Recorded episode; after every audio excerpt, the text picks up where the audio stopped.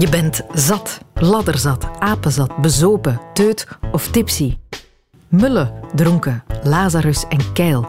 Boven je theewater, beneveld, beschonken. In de wind, kanaar. En sommigen zeggen blijkbaar ook toeter. We hebben veel woorden om te zeggen dat iemand wat te veel gedronken heeft. En dat zegt ook wel wat over de hoeveelheden drank die de mens in de voorbije eeuwen al naar binnen gekegeld heeft. Ik ben Sophie Lemaire en dit is een snelle geschiedenis van zat zijn.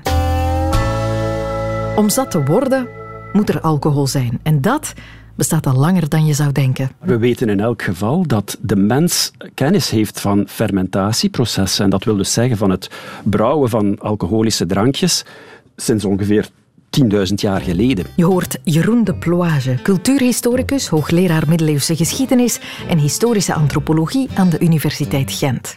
Alcohol dat had de mens rap geregeld. 10.000 jaar geleden had je al mede van die gegiste honing. Bier was er al meer dan 5000 jaar voor Christus. En de vroegste wijnrecepten stonden al op Egyptische papyrusrollen zo'n 3500 voor Christus. De Grieken en de Romeinen die hadden zelfs godheden van de wijn, van het plezier en de dronkenschap, respectievelijk Dionysus en Bacchus, om maar te zeggen. Drank was belangrijk. Maar men had toen ook wel goede redenen om veel alcohol te nuttigen. Namelijk omdat... Water drinken uh, een optie was die, die men niet zomaar ging nemen. Waarom? Omdat het niet altijd eenvoudig was om, om proper water te vinden.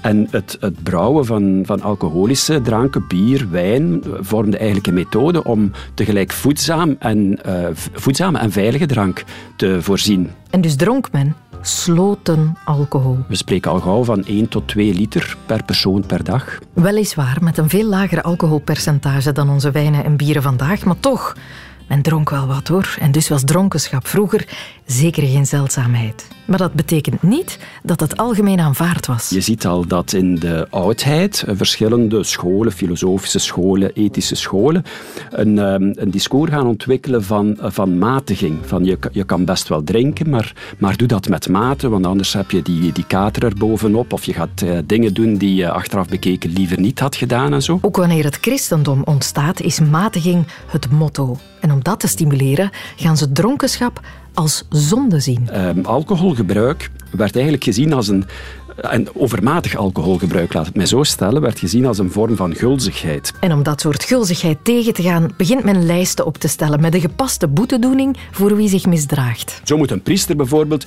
die, die dronken is en die dermate dronken is dat hij gaat braken, die moet dan 40 dagen boete doen. Voor een monnik is dat wat minder, hè. dat is maar 25 dagen. Dat zal ze leren, de zatlappen. Maar goed, gezien men het niet verbiedt en van eentje nog eentje komt. En nog eentje, en, en nog eentje, en nog eentje, blijft dronkenschap wel gewoon bestaan. Het glasheffen is van oudsher een manier om banden tussen mensen aan te halen. De gemeenschap komt samen, um, vereert een, uh, een, lokale heilige of eventueel zelfs een, een, een afgod, uh, gaat uh, doden gedenken, gaat overeenkomsten sluiten en gaat daarbij stevig drinken. En dat lijkt eigenlijk met de tijd niet gek veel veranderd te zijn. Ook vandaag zien we nog die dubbele houding. Wel drinken toestaan, het een belangrijke plek geven op belangrijke momenten, maar het ook proberen matigen met regels, wetten en campagnes. Met misschien één moderne wending in het verhaal. Je zou kunnen stellen dat waar vroeger de focus op zonde lag, die vandaag op gezondheid ligt. Ja. In, in het motiveren van waarom dat je wel of niet kan uh, gaan drinken.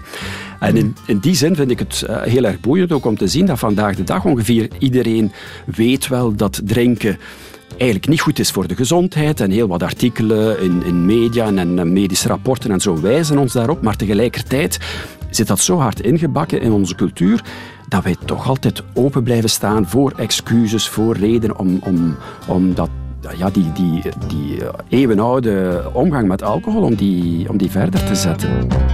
Hoe lang nog? Dat is voor een aflevering van de snelle toekomst van zat zijn. Dit is een snelle geschiedenis en die houdt hierop.